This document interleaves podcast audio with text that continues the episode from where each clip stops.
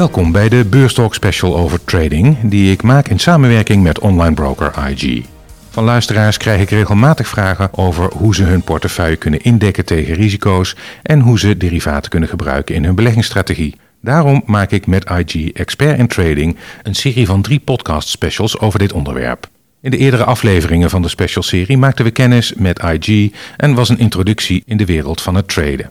In deze aflevering van de specialserie gaan we dieper in op handelsstrategieën en mijn gast is natuurlijk weer Robert Manders, marktanalist bij IG. Robert, welkom. Als we het hebben over handelsstrategieën, uh, welke strategieën vind jij interessant voor beleggers?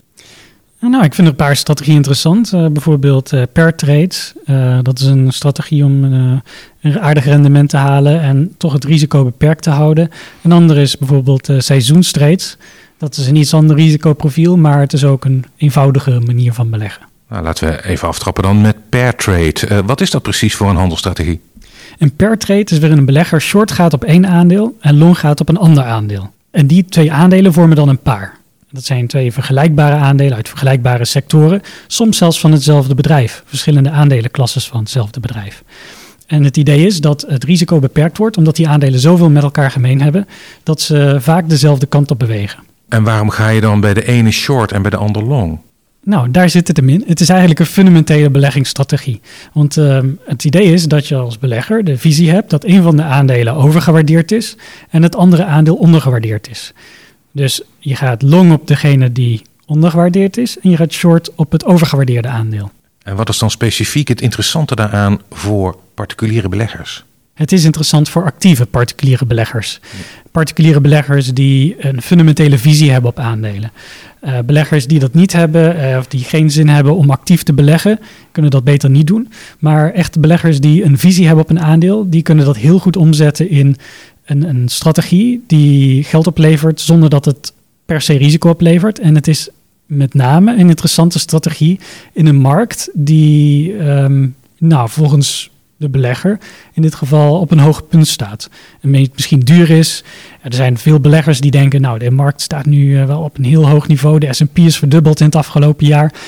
En dan willen ze eigenlijk niet zoveel exposure of blootstelling hebben aan beta, zoals dat heet. De markt als geheel. Dus dan probeer je op zoek te gaan naar alpha. Dus de, de echte de waarde die je creëert door goed onderzoek te doen. Hmm. En, daar komen pair trades in beeld. Een kenmerk van zo'n pair trade is dat het marktneutraal is. Kan je daar iets meer over vertellen wat dat precies betekent? Nou, dat betekent eigenlijk eh, een beetje wat ik net zei, dat het niet um, meebeweegt met de index. Dus bijvoorbeeld de, het verschil tussen bijvoorbeeld het aandeel Heineken en Heineken Holding. Uh, dat zijn twee aandelenklassen van het bedrijf Heineken. De, de spread daartussen, die beweegt niet mee met de AIX. Dat is gewoon een spread die op allerlei andere factoren op en neer gaat. Maar niet per se met de markt als geheel. Dus daarom is de marktneutrale strategie zo'n pair trade. En vaak zijn dat ook nog ja, bedrijven uit dezelfde sector die echt met elkaar meebewegen ook. Of bijvoorbeeld eh, het aandeel Heineken ook, is ook zo'n voorbeeld, die echt met elkaar meebewegen.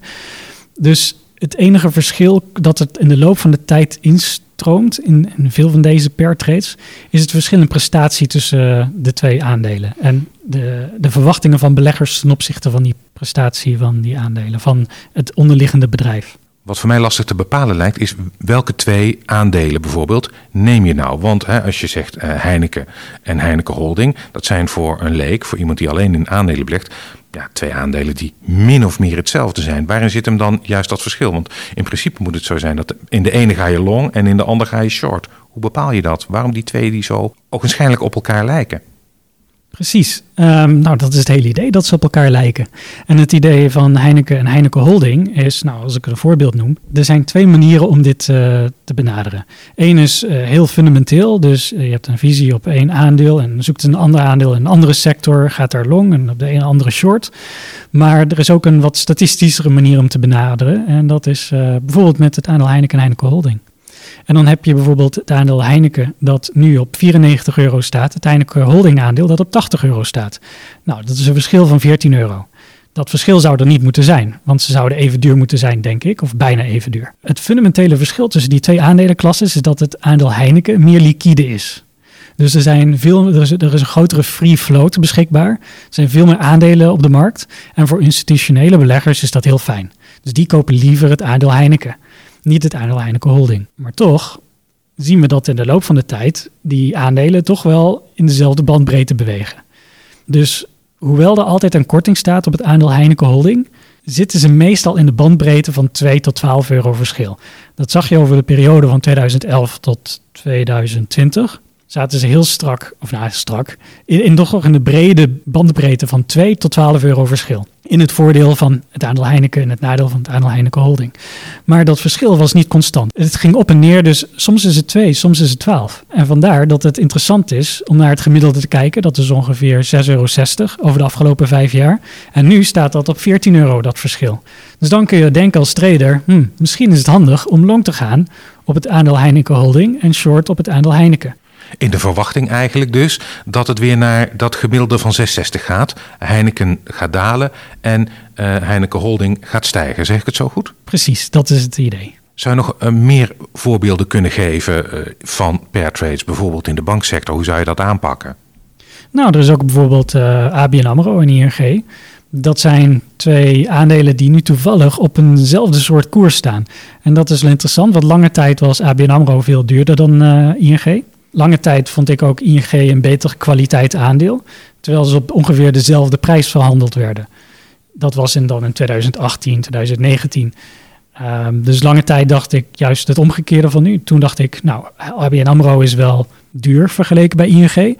En nu denk ik juist dat ING redelijk, duur is geworden ten opzichte van ABN AMRO.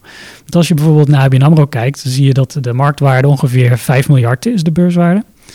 En als je dan kijkt naar het overtollig kapitaal, volgens hun eigen doelstellingen, is dat al bijna 3 miljard euro.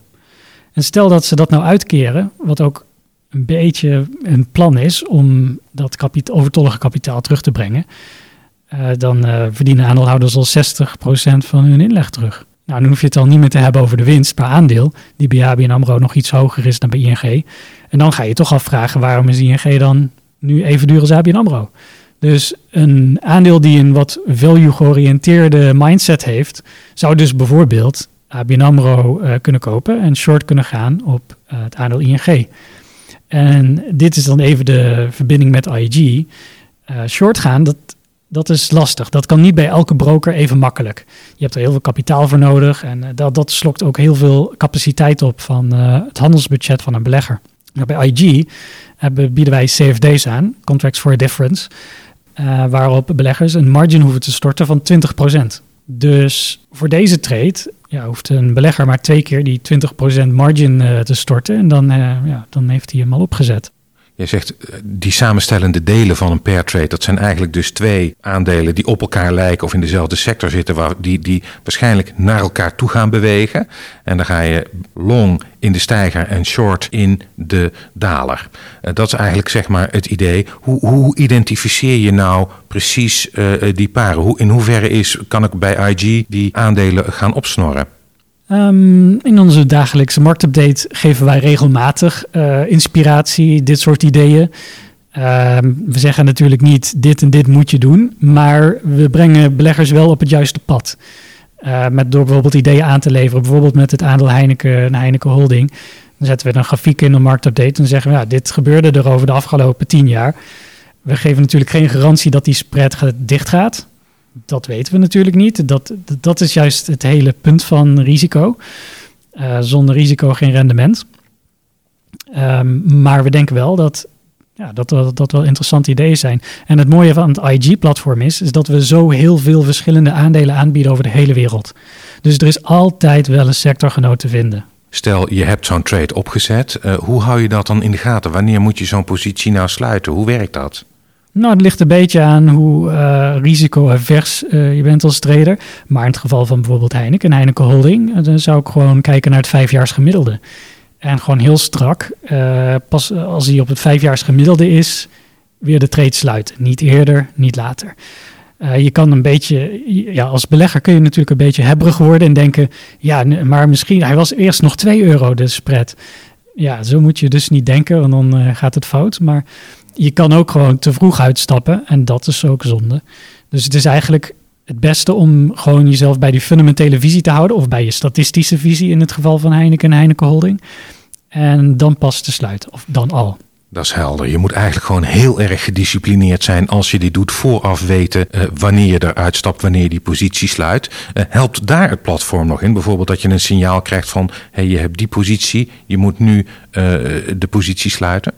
Ja, we hebben trade alerts. Dus een belegger die kan trade alerts instellen als een aandeel een bepaald niveau heeft overschreden. Um, dat kan bij beide aandelen. Er zijn ook limieten. Uh, waarmee, we kunnen, ja, waarmee een belegger kan instellen tegen deze en deze prijs wil ik dit aandeel verkopen. Dan zijn er nog calendar trades, zei je in het begin, seizoenstrades. Wat is dat precies? Nou, dat is ook een statistische manier van beleggen. En denk bijvoorbeeld aan het hele sell and May effect. Dat een uh, sell and May, but remember to be back in November. Het idee dat tussen uh, juni en september, oktober ongeveer de beurs het slecht doen. Dat is het ultieme voorbeeld van een seizoenstreed. Iedereen kent het wel. Um, er zijn ook veel andere varianten hierop, bijvoorbeeld de dag van de week. Maar wel één trade die wij wel leuk vinden is het middenmaandeffect. Dat is dat van de, het, de slotkoers van de negende handelsdag van de maand tot de twaalfde handelsdag van de maand de Dow Jones gemiddeld een uh, nou, behoorlijk mooi positief rendement boekt. En je moet het zo zien, in een handelsmaand zitten 20 handelsdagen. En als je in drie daarvan al een heel mooi rendement boekt, is dat al een hele mooie winst. En sterker nog, we hebben onderzoek gedaan sinds 1995 tot 2020. kwam ongeveer de helft van het rendement in de Dow Jones van die drie handelsdagen in het midden van de maand. En dat komt neer op ongeveer 9,8% op jaarbasis. 9,8% op jaarbasis, dus dat is uh, niet gering. En kan je dan heel concreet uitleggen hoe je zoiets opzet? Stel, ik wil van dat midseizoen effect, uh, middenmaands effect gebruik maken. Wat doe ik dan concreet? Nou, allereerst uh, reserveer niet een al te groot deel van de portefeuille, maar een klein deel. Ja. En, maar wees wel consistent. Als je dit gaat doen, doe dit dan elke maand. En doe, dan, doe dat dan bijvoorbeeld nou, volgens deze strategie die wij hebben uitgezocht, op het, op het slotkoers van de negende handelsdag van de maand instappen. Dus ongeveer op het slot. En vervolgens dan die drie handelsdagen vasthouden tot het einde van de twaalfde handelsdag van de maand. En dan weer verkopen. En dan, en dan niet uh, gaan denken van, oh, maar nu sta ik op verlies, dus nu kijk ik het nog even aan. Nee, gewoon niet doen. Aan de strategie houden. Kortom, hier kan je dus ook weer die alerts gebruiken. Kopen op dit moment en een aantal dagen later verkopen.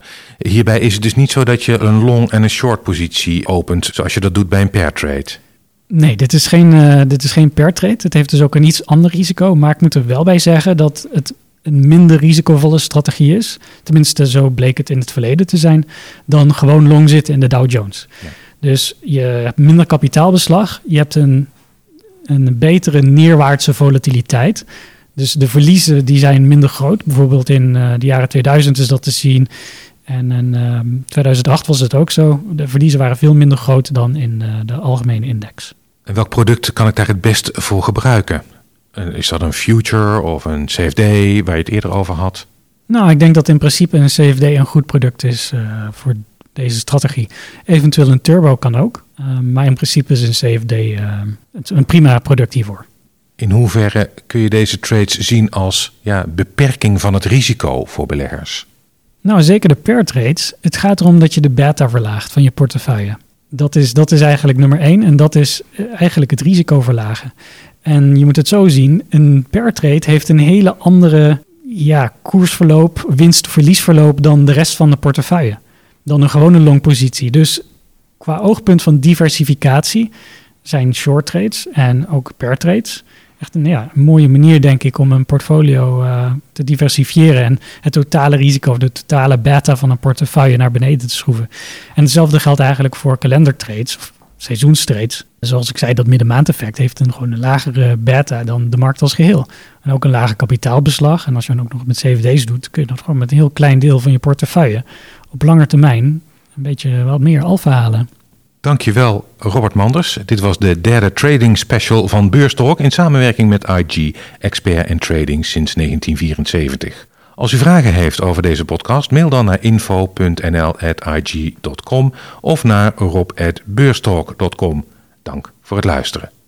Let op, uw vermogen loopt risico. 70% van de retailbeleggers leidt verlies op de handel in CFD's met deze aanbieder. Het is belangrijk dat u nagaat of u zich het hoge risico op verlies kunt permitteren. Turbo-certificaten zijn complexe financiële instrumenten. Uw vermogen loopt risico. De inhoud van de podcast bevat geen beleggingsadvies of beleggingsaanbod en dient ook niet als zodanig opgevat te worden. Ook moet het niet worden gezien als een uitnodiging tot het uitvoeren van een transactie in enig financieel instrument. IG kan niet verantwoordelijk worden gesteld voor de acties die genomen worden of voor de gevolgen.